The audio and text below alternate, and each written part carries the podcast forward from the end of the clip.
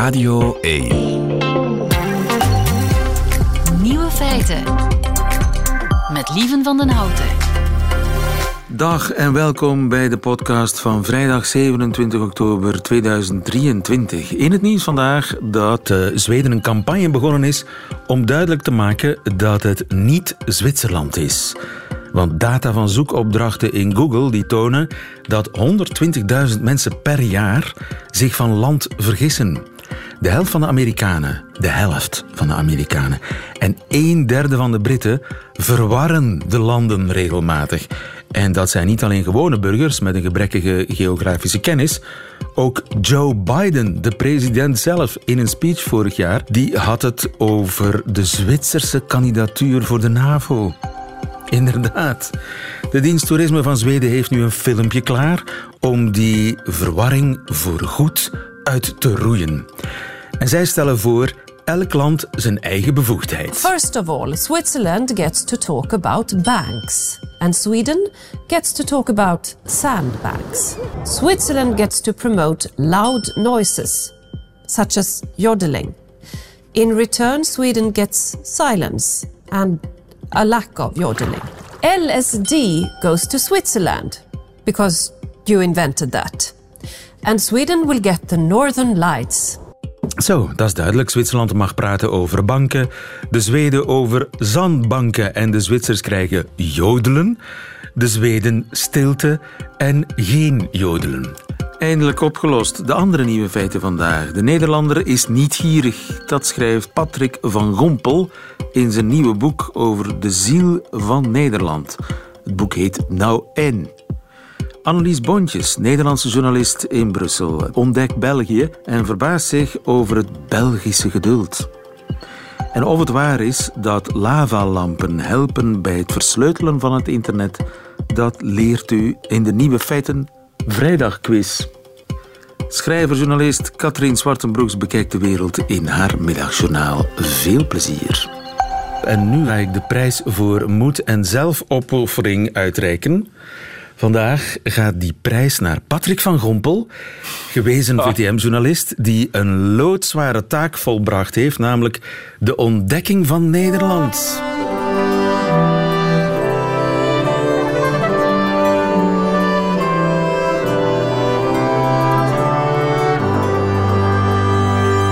Even gepast. eh, We gaan in de houding. Jij gaat het hart, eh, hand op het hart. Ja, tuurlijk. Dit is het mooiste volkslied, hè, overigens. Ik vind het schitterend. En vooral van een koor. De koorversie is voor, is voor een andere keer. Gefeliciteerd Patrick van Gompel met je nieuwe boek. Dankjewel. En dat heet Nou en. Nog erger. Nou en. Het is, eh, het is eh, een, eh, twee woorden zonder vraagteken, hebben ze mij geleerd. Want ik dacht eerst dat er een vraagteken achter moest. En toen heeft een goede Nederlandse vriend heeft mij dan verteld... nee, Patrick, er moet helemaal... Patrick. Nee, Patrick. Er moet helemaal geen vraagteken achter. Wij bedoelen helemaal geen vraagteken. Het is eigenlijk het einde van een gesprek. Ja, jij hebt de ontdekking van Nederland volbracht, zoals Annelies. Goedemiddag overigens. Annelies. Hi, goedemiddag. Voor jou is het een meerjarenproject. Ja. De ontdekking van België. Jij Ja. als Nederlands journalist in Brussel. Ik ben nog maar net begonnen eigenlijk. Eh, jij hebt dus het omgekeerde gedaan eh, Ja. van Pat- Patrick. Ik kan nu gewoon Patrick zeggen. Dat mag, dat mag jij. Was het voor jou ook een meerjarenproject? Eh, ja, ehm, van een kleine 60 jaar eigenlijk. ehm, vanaf mijn bewustzijn. Want ik ben tegen de grens geboren in Weelde. Eh, dus eh, het buitengebied Bare Hertog, Nassau, de grens.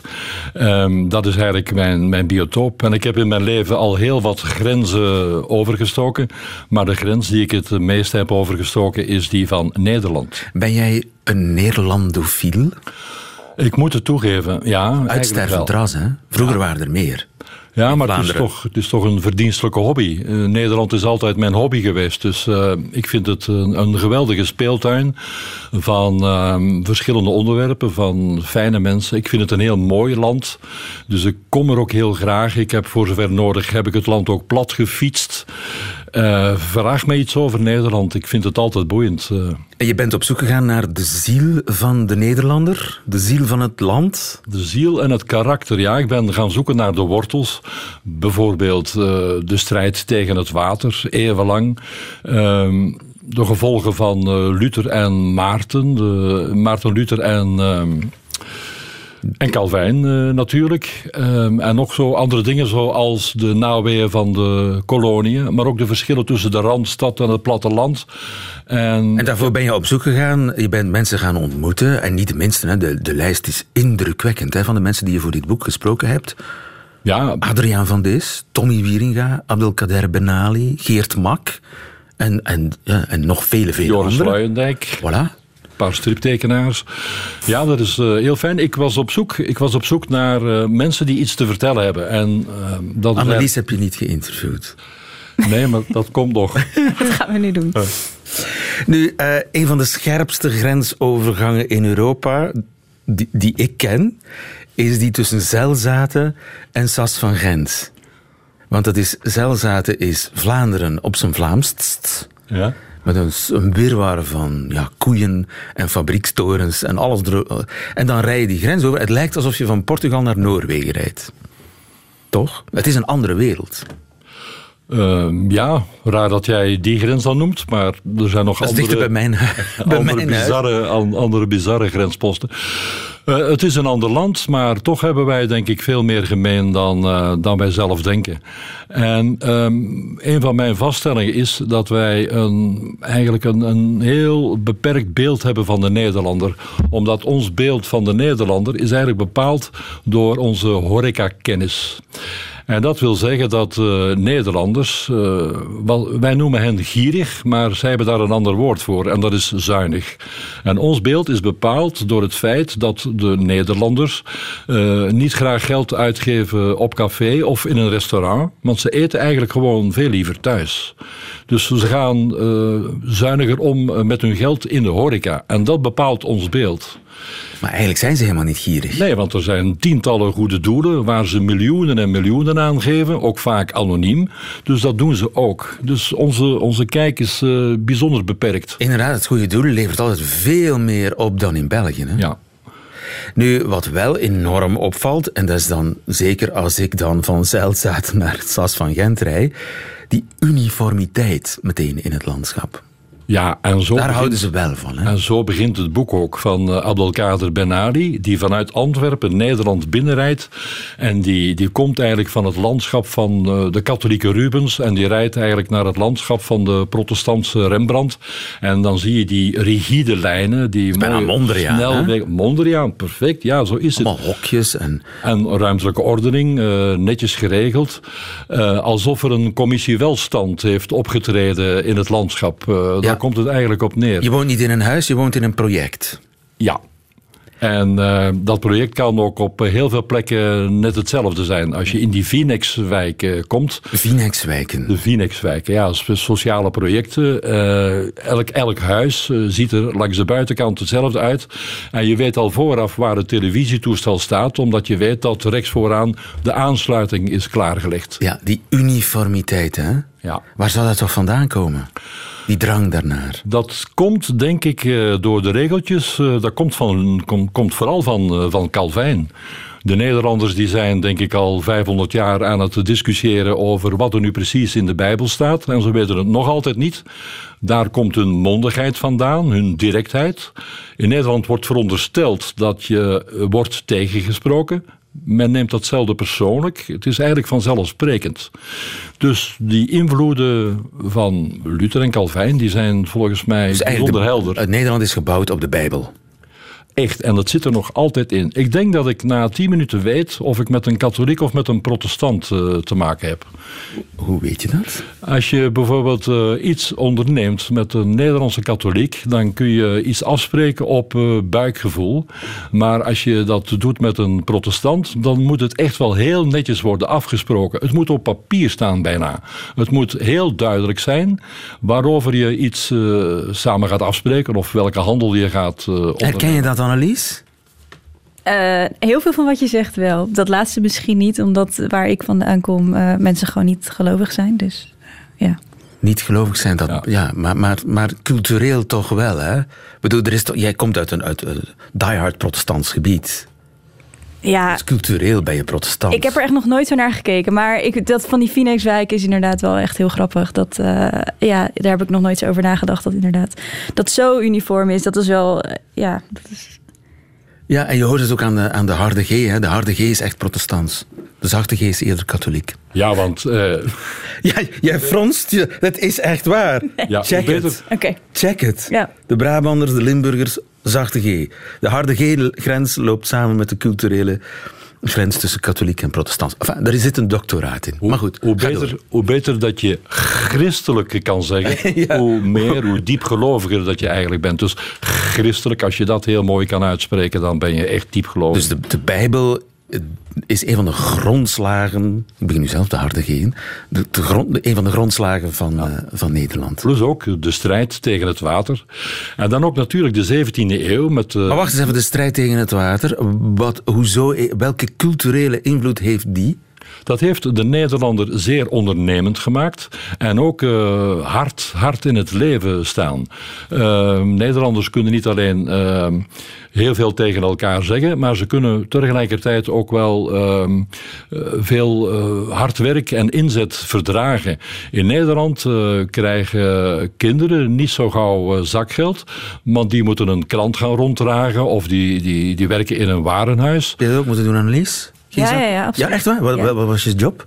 Eh, de krant eh eh, Volderwijk, eh, ja, Volderwijk heette dat. Een folderwijk. Ja, dat was verschrikkelijk, want dan moest ik dus elke week die folders rondbrengen. Dat waren er dan twintig. En die kwamen dan in zo'n pakket. En dan moest je dan eerst, gingen we die allemaal op tafel uitspreiden, zodat je daar dan pakketjes van moest maken. Dus al die folders in elkaar vouwen. Nou, en dan door de buurt. Maar toen was ik denk ik dertien of zo. Ja. En toen bij de HEMA gewerkt. En toen in een bakkerij. En toen ja, altijd heel veel baantjes Dat is gehad. een echte arbeidsethos. De tarieven staan in mijn boek. Wat je kan verdienen als 14-jarige in een warenhuis eh, bij Albert Heijn of eh, noem maar op. 14 jaar. 14 jaar kan je, kan je, mag je 20 uur per dag eh, werken of zo.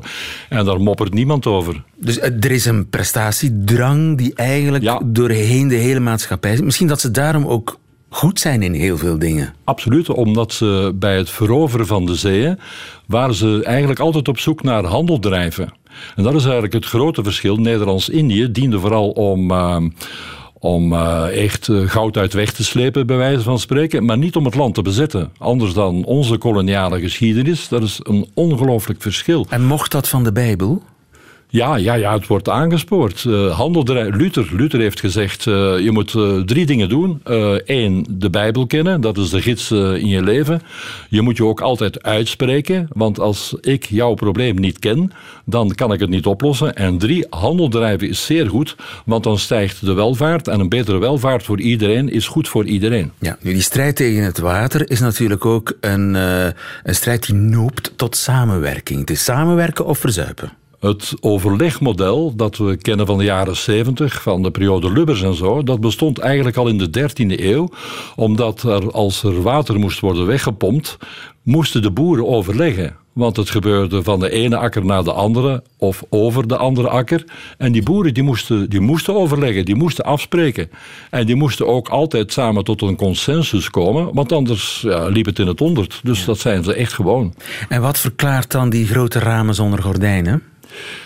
Daar, eh, dat is eigenlijk een fantastische fabel, omdat eh, wij nog altijd eh, denken dat het is om, omdat de Nederlanders open zijn en omdat ze graag hebben dat, we, Checken. dat mensen mogen Controle is ook heel belangrijk, Maar toch? Gerrit de Jager heeft mij uitgelegd, eh, nee, nee, De striptekenaar. Patrick, nee, nee, Patrick, de striptekenaar, Gerrit de Jager, zegt, het dient om, om buiten te kijken. Wij willen weten van, nou, wat heeft die buurman nou weer bij de IKEA gekocht? En die meneer daar, wat loopt die daar te doen? Klopt dat? Ja, ja, ja, ja, ja, zeker. Ja, dat is, ja. Je moet- je- je- ik moet nu meteen denken aan mijn oma. Die kijkt ook altijd naar buiten. En dan weet ze precies wat, Oh. wanneer de buurvrouw naar de brievenbus is gelopen. en dan, eh, eh, ja, die, die heeft alle roddels van de buurt. Omdat ze gewoon de hele tijd naar buiten zitten turen. Om te kijken wat iedereen aan het doen is. Ja, En dat eh, iedereen dan gewoon ook kan binnenkijken, dat is eigenlijk niet zo belangrijk? Of dat maakt niet zoveel uit? Nou ja, ik denk wat jij zegt is wel waar. Het gaat meer om dat jij naar buiten kan kijken. En, ja, en verder een beetje een houding van ja, ja zo wat of zo. Controledrang, hè? Ook, ook die zogenaamde, ja, dat gedoogbeleid, dat is eigenlijk ook gericht op controle. Hè? Dan heb je dan toch Ja. tenminste controle op wat er gebeurt in de drugshandel. Ja, maar dan zijn er natuurlijk uh, geweldige ontsnappingen. Dus je mag uh, drugs verhandelen, maar uh, je mag geen leverancier hebben eigenlijk. Dus dat is zo maf als maar zijn kan. Een beetje, alsof, beetje hypocriet. Ja, alsof, katholiek, alsof, niet je, alsof je bier verkoopt, maar de brouwer mag niet langskomen om te leveren. En dat is inderdaad hypocriet. Ja. ja. Nu, wat je daar ook veel. Het is een heel apart land, hè? Het, Ja. het- het- heel vreemd, want die openheid, die directheid ook van de Nederlander, dat is eigenlijk werelduniek. Hè? Dat heb je bijna nergens anders. Nee. En het vreemde is dan dat eh, Nederlanders ook altijd eh, heel graag kritiek hebben op alles en iedereen. De zelfkritiek in Nederland is eh, vrij beperkt. En ze hangen ook heel graag de wijsneus uit. Dat wil zeggen, een Europese commissaris die gaat dan vertellen van... hela, Griekenland en Italië, Ja, ja. jullie hebben nooit Tuurlijk. zuinig geleefd. Waarom moeten wij geld geven aan jullie? En, dat Ja, is- en ook als je nu die debatten ziet in de Tweede Kamer in Nederland over Israël en Hamas, het lijkt alsof ze daar, onder, daar ter plekke heel erg onder de indruk zijn. Ja, maar het eh, aanvoelen van de problematiek van eh, Israël en de Joden ligt in Nederland helemaal anders dan Juist, bij ons natuurlijk. er zijn er in de Tweede Wereldoorlog 104.000 via Westerbork naar eh, Duitsland afgevoerd. En dat was heel gemakkelijk, omdat de administratie, opnieuw de ambtenaren, die hebben in de gemeentehuizen perfect geregistreerd wie er Jood was. Er stond een J op een steekkaart. Het zijn ambtenaren, hè? En de Duitsers die moesten maar de gemeentehuizen binnenstappen en de steekkaarten vastpakken. En ze wisten precies waar welke Jood woonde. Ja, wil je er wonen in Nederland? Nee. Omdat de sociale controle te groot is. Ik leef liever in het land van Magritte. eh, vind ik eigenlijk toch net iets En die prettiger. sociale controle is hier in Vlaamse dorpen toch ook juist best wel groot? Hmm, veel minder. Ja? Ja, ik, eh, ja, ik denk het wel. Ja. Oké. Nou en? Zo heet jouw boek. Ik wens er je heel veel eh, succes mee. Dankjewel. Dankjewel. Patrick van Gompel. Ik kom weer terug, ik kom weer thuis. Ik mis de buren in mijn achtertuin. Ik mis naar school gaan met een e-spectas. En ik mis hoe Nederland van Peter was. Ben al zo ver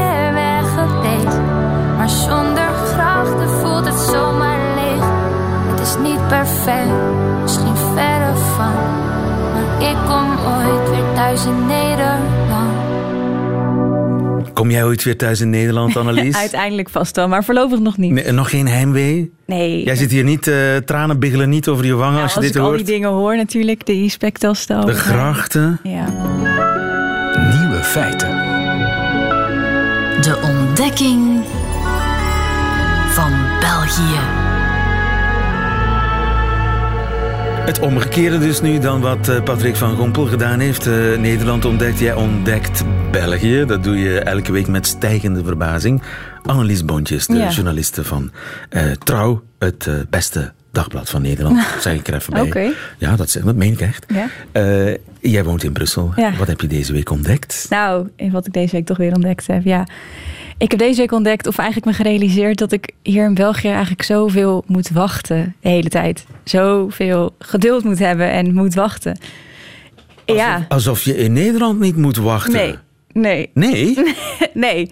Hier is het gewoon heel normaal om op dingen te wachten, wat ik gewoon niet gewend ben uit Nederland eigenlijk. Het begon eigenlijk toen mijn huisgenoot zei dat hij in de sportschool eh, altijd moest wachten voordat de apparaten vrij waren. En dat hij dat in Nederlandse sportscholen nog nooit had. En toen raakten we erover in gesprek en toen dacht ik, ja inderdaad, toen ik hier kwam wonen moest ik ineens weer in de rij staan bij de supermarkt om te wachten. En ehm, Bij de kassa. bij de kassa, ja, in de rij staan, dat was ik al heel lang niet meer gewend. En Wacht ik- eens even. Eh, De Albert Heijn in Nederland moet je nooit in de rij staan Nee, bij de kassa. Zelfscan. Dus ja, loop erin, je gaat langs de zelfscan. Ja, maar hebben wij intussen ook... Ik, eh, ja, de Albert Heijn, ja, ze zijn ook bij ons. En Ja, ik heb die dus niet in Brussel. Dus hier moet Er is ik... geen Albert Heijn in Brussel. Nee, nee, nee, nee. Dat is echt vreselijk, ja. Ja, ja, ja. En de, de supermarkt heeft geen zelfscan in Brussel. Nee, dus ik moet heel lang wachten altijd. Dus naar de supermarkt gaan is gewoon veel meer een opgave geworden. En toen besefte ik me, ja, ik moet eigenlijk veel meer wachten. Bijvoorbeeld als ik iets wil terugbrengen naar het postkantoor hier... dan is dat alleen maar zo tussen tien en vijf open. En dan nemen ze ook nog een uur pauze en dan is het niet in het weekend open en zo. Dus dan moet je heel erg plannen wanneer je dan daar naartoe gaat. Nou, dat, dat heb je in Nederland ook niet. Het is gewoon altijd open, zo veel meer die 24-uurs-economie. En toen ik me ging inschrijven voor mijn Franse les bijvoorbeeld, nou, dan moest ik dan eerst naar dat, eh, dat instituut komen om me in te schrijven. Nou ja, dat is niet gewoon even Sowieso kon dat dan niet online, moet je daar al naartoe gaan om zijn papieren in te vullen. Maar dan heb ik daar gewoon drie uur zitten wachten in de ruimte voordat ik aan de beurt was. Drie uur? Ja, ja, ja. En niemand klaagde. Iedereen zat daar gewoon alsof het er gewoon bij hoorde. Dat, dat is eigenlijk het belangrijkste, dat niemand klaagt. Iedereen vindt dat maar normaal. In, laatst moest ik eens terugbrengen naar de H&M. Naar de H&M. Er stond acht mensen voor mij in de rij te wachten. En die ging geen enkele andere kassa open. Weet je wat er in Nederland een regel is? Als je de, dus zelfs een, een foefje voor, dat heet dan vierde in de rij, kassa erbij in de supermarkt. Dus als je de vierde, Vierde bent, in de rij, kassa erbij. dan moet er een extra kassa open gaan. Als dat niet gebeurt, dan krijg je soms je boodschappenkar gratis of een appeltaart of zo, zeg maar. Wat? Ja, dat is echt zo. ja. Ja, En dus welke neiging moet jij dan onderdrukken als je de achtste bent in de rij en niks gebeurt? nou ja, dan... Wat zou je in, Neder- in Nederland zou je dan keihard beginnen schreeuwen? Zou je dan er zou een Nee, want dat zou gewoon opstand niet of- gebeuren in Nederland, Ah, ja. snap je? Ja. Dus eh, gewoon alles duurt hier lang. Als je een identiteitskaart aanvraagt, moet je daar heel lang op wachten. Eh, mijn huisgenoot krijgt geld terug van de Belastingdienst. En elke keer als je inlogt online staat er, ja, je moet nog even wachten. Ehm, ons, eh, ons bad is stuk. Ik heb mijn huisbaas al wel drie, vijf, vier, vijf keer een bericht gestuurd. Maar ze zegt steeds, je moet gewoon even wachten. En dat is dan nog op microniveau, hè? Gewoon continu wachten. Geduld. Rustig aan. Ja, dat is voor mij gewoon best wel moeilijk, eh, lieve. Je kunt je dat misschien moeilijk voorstellen, maar dat ben ik gewoon niet gewend. Bijvoorbeeld laatst heb ik de trein gemist. Ja, omdat ik eerst in de rij moest staan om nog een kaartje te kopen. En daar stond te wachten. In Nederland hoef ik nooit een kaartje te kopen. Daar heb je een OV-chipkaart en daar zet je geld op. Of daar laat OV, je openbaar vervoer. ja, daar zet je geld op of daar laat je automatisch geld op zetten. En dan loop je gewoon, scan je dat ding bij zo'n poortje en dan loop je zo de trein in. Dus hier mis ik de trein omdat ik moet wachten. Of dat het nu de trein is, of de trein, Tram. tram, of de Tram. me- metro. Ja. de tram, hè. Ja. Dat maakt allemaal niet uit. Allemaal Dat- één kaart, naar één welke kaart. stad je ook gaat, naar welke provincie je ook gaat. Je hebt één kaart gewoon voor het hele land. Dat is die uniformiteit hè, die we er net genoemd Ja, nou ja, er zitten dus ook wel echt voordelen aan, want ik mis daardoor niet de trein. En dat is natuurlijk nog microniveau, maar toen dacht ik op macroniveau heb je dat natuurlijk ook. Dat mensen eigenlijk naar de gevangenis moeten, maar met een enkelband naar huis worden gestuurd, omdat ze daar dan eerst moeten wachten op een plek. Of mensen die asiel aanvragen en moeten wachten op een plek. Of mensen die psychische zorg nodig hebben en moeten wachten. Gewoon wachten, wachten, wachten. Ja, dat leer je. Ja, maar dat... ja. Met moeite. In Nederland is dat gewoon anders. Dingen moeten snel gaan. Het is gewoon veel meer gericht op efficiëntie en neoliberalisme. Ehm, ja, dat, dat is gewoon heel anders dan hier. En dat is wel echt een grote aanpassing eigenlijk, ja.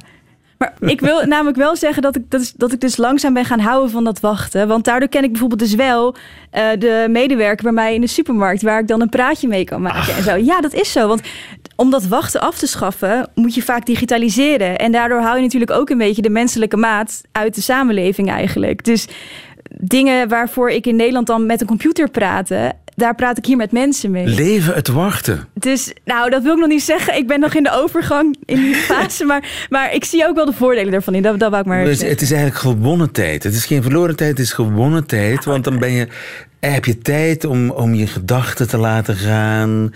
Je kan nadenken over vroeger. Misschien krijg je een geweldig idee voor een nieuw project op de krant. Ja, maar als je eerder thuis bent, dan kan je weer meer werken, toch? Meer geld verdienen. En eh, ja. Zullen we examen Vlaams Ja, doen? ja, het, ja.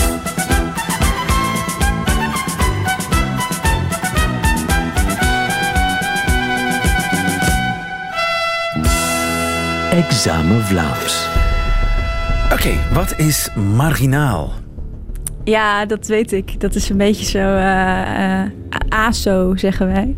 Eh, als, als asociale...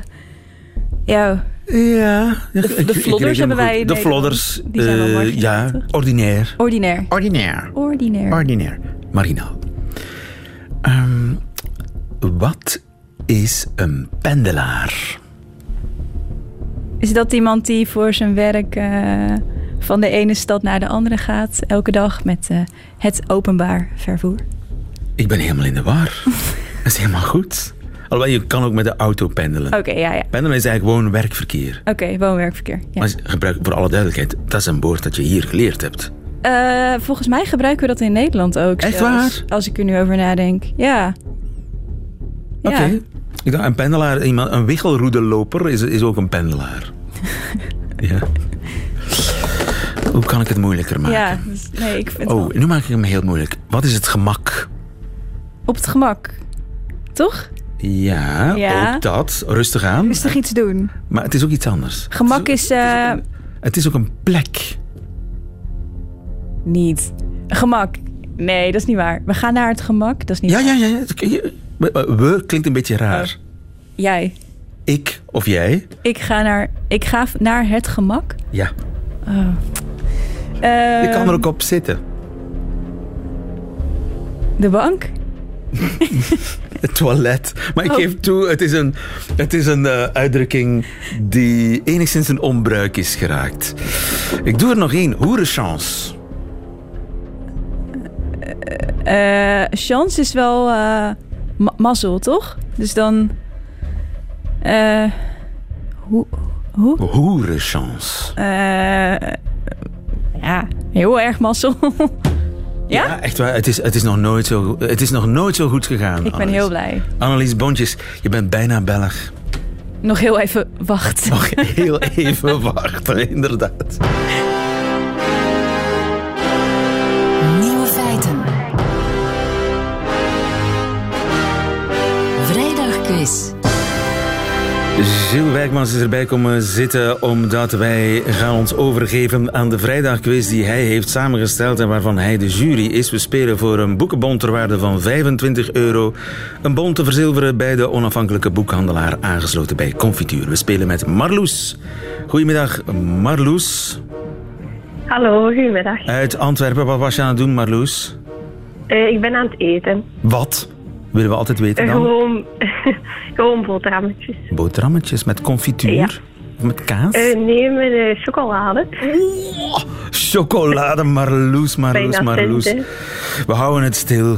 Je speelt tegen Lieven, Lieven Bennekes uit Overijse. Goedemiddag, Lieven. Goedemiddag. Wat was jij aan het doen?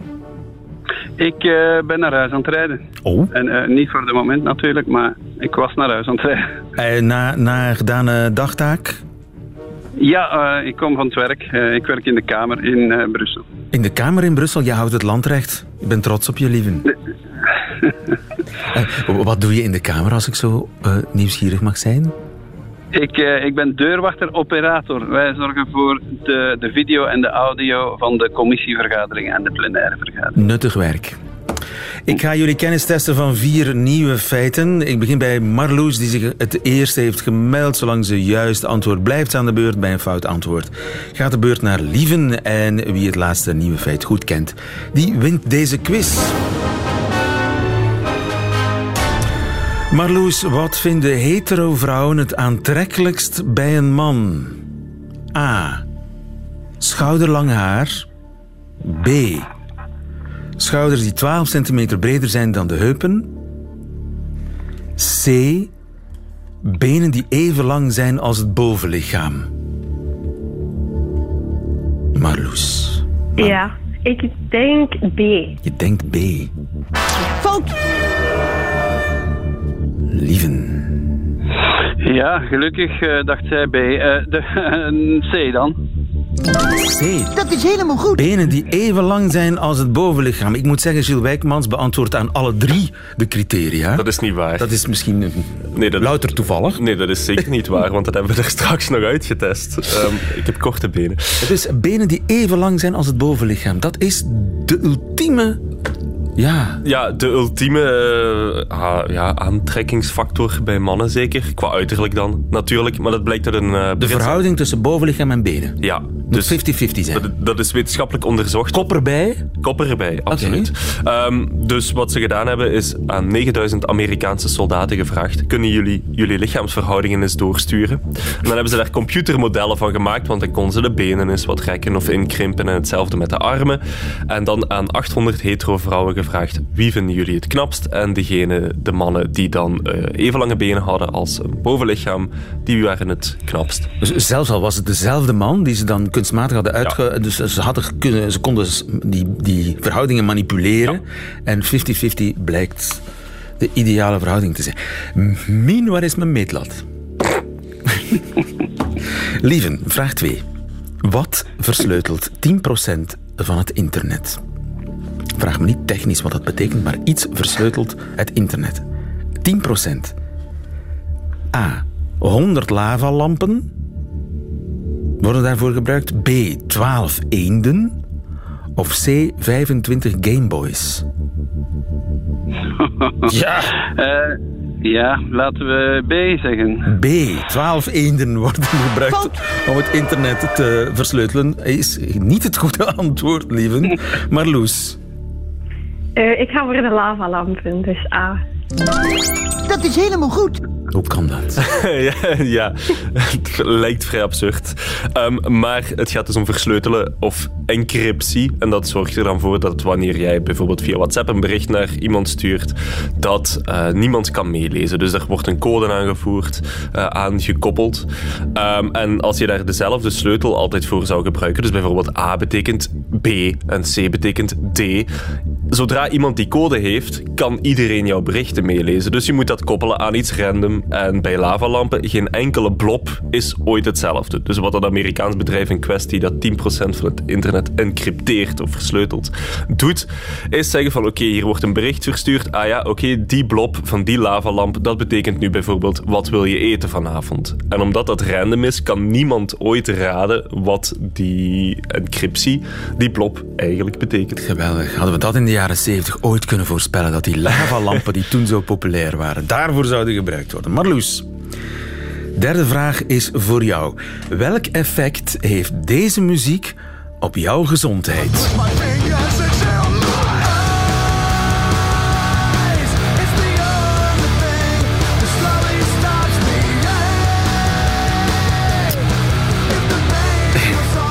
Ik krijg er alleen maar migraine van, maar dat is niet het antwoord.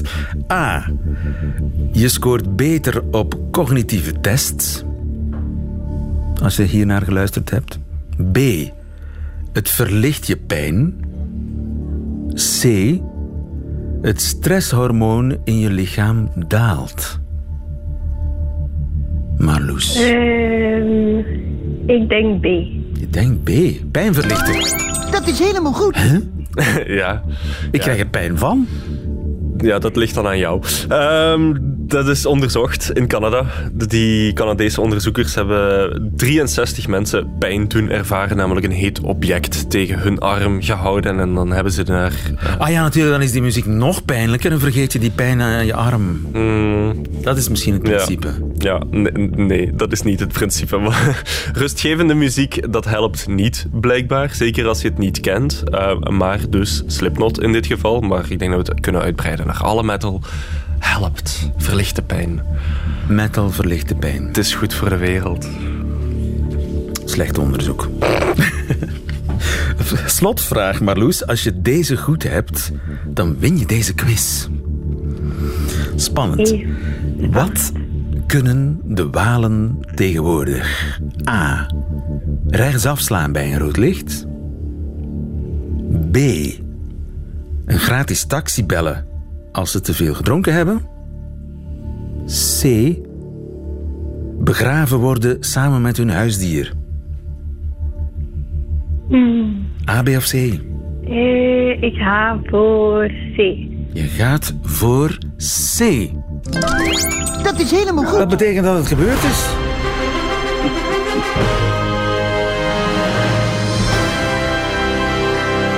Lieve Bennekens, deurwachter bij de kamer, helaas. Het heeft niet mogen zijn. Helaas. Maar trek het je niet aan en speel nog eens mee, lieven. Wie weet lukt het dan. Gefeliciteerd, Marloes. Dank u. Marloes Daluin, eh, weet je al welk boek je gaat kopen met je 25 euro? Ehm, oh, ik ben zwanger, dus ik denk misschien een boek Gefeliciteerd, over Marloes. Mama worden. Dat zeg je nu pas. ja. Vandaar die boterhammen met choco natuurlijk. Nu begin je alles valt op zijn plaats. Wat ga je kopen met je 25 euro? ik denk een boek over kinderen of zo. Is dat mee voorbereid? Dat zou Ja. een zeer verstandige keuze zijn. Want walen Ja. die mogen begraven worden samen met hun huisdier. Ja, Zo. dat is donderdag beslist. En het is weliswaar alleen met de as van je huisdier. Dus je mag niet je hele kat of Duitse herder mee in je graf nemen. En ze hebben er natuurlijk ook de voorwaarden aan verbonden dat het huisdier eerst gestorven moet zijn. dus je kan niet in je erfenis zeggen, zeggen dat wanneer jij sterft, Minou ook even afgemaakt moet worden om mee in het graf te gaan. Dankjewel, Gilles Wijkmans. En eh, tot volgende week. Radio 1. Nieuwe feiten. En dat waren ze, de nieuwe feiten van vandaag, 27 oktober 2023. Alleen nog die van Katrien Zwartenbroeks, die krijgt u nu in haar middagjournaal. Nieuwe feiten. Middagjournaal.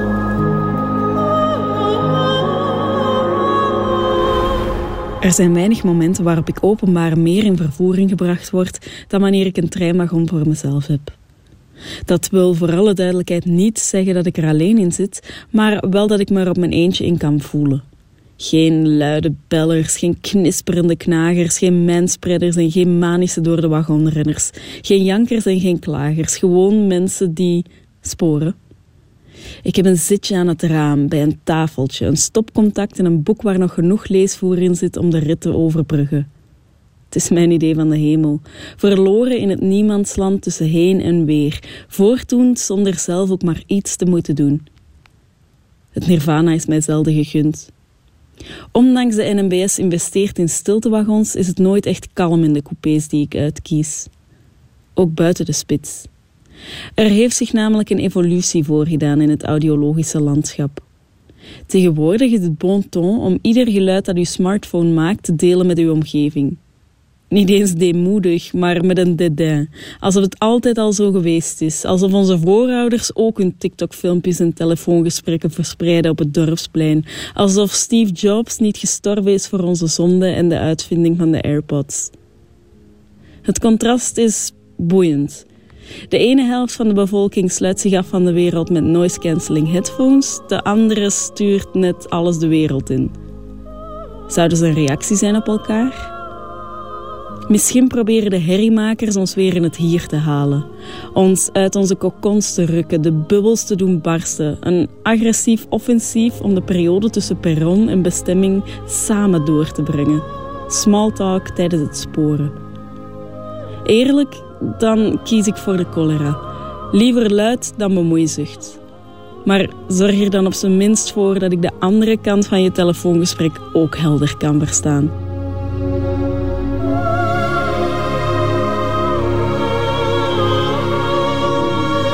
Je bedoelt dat ze hem op speaker zetten, zijn telefoon. God beware ons. Katrien Zwartenbroeks in het Middagjournaal. Waarvoor dank volgende week overigens, en ik kijk daar zeer naar uit, Tommy Wieringa in het Middagjournaal een week lang. Ik weet het, Tommy Wieringa. Een van onze beste schrijvers.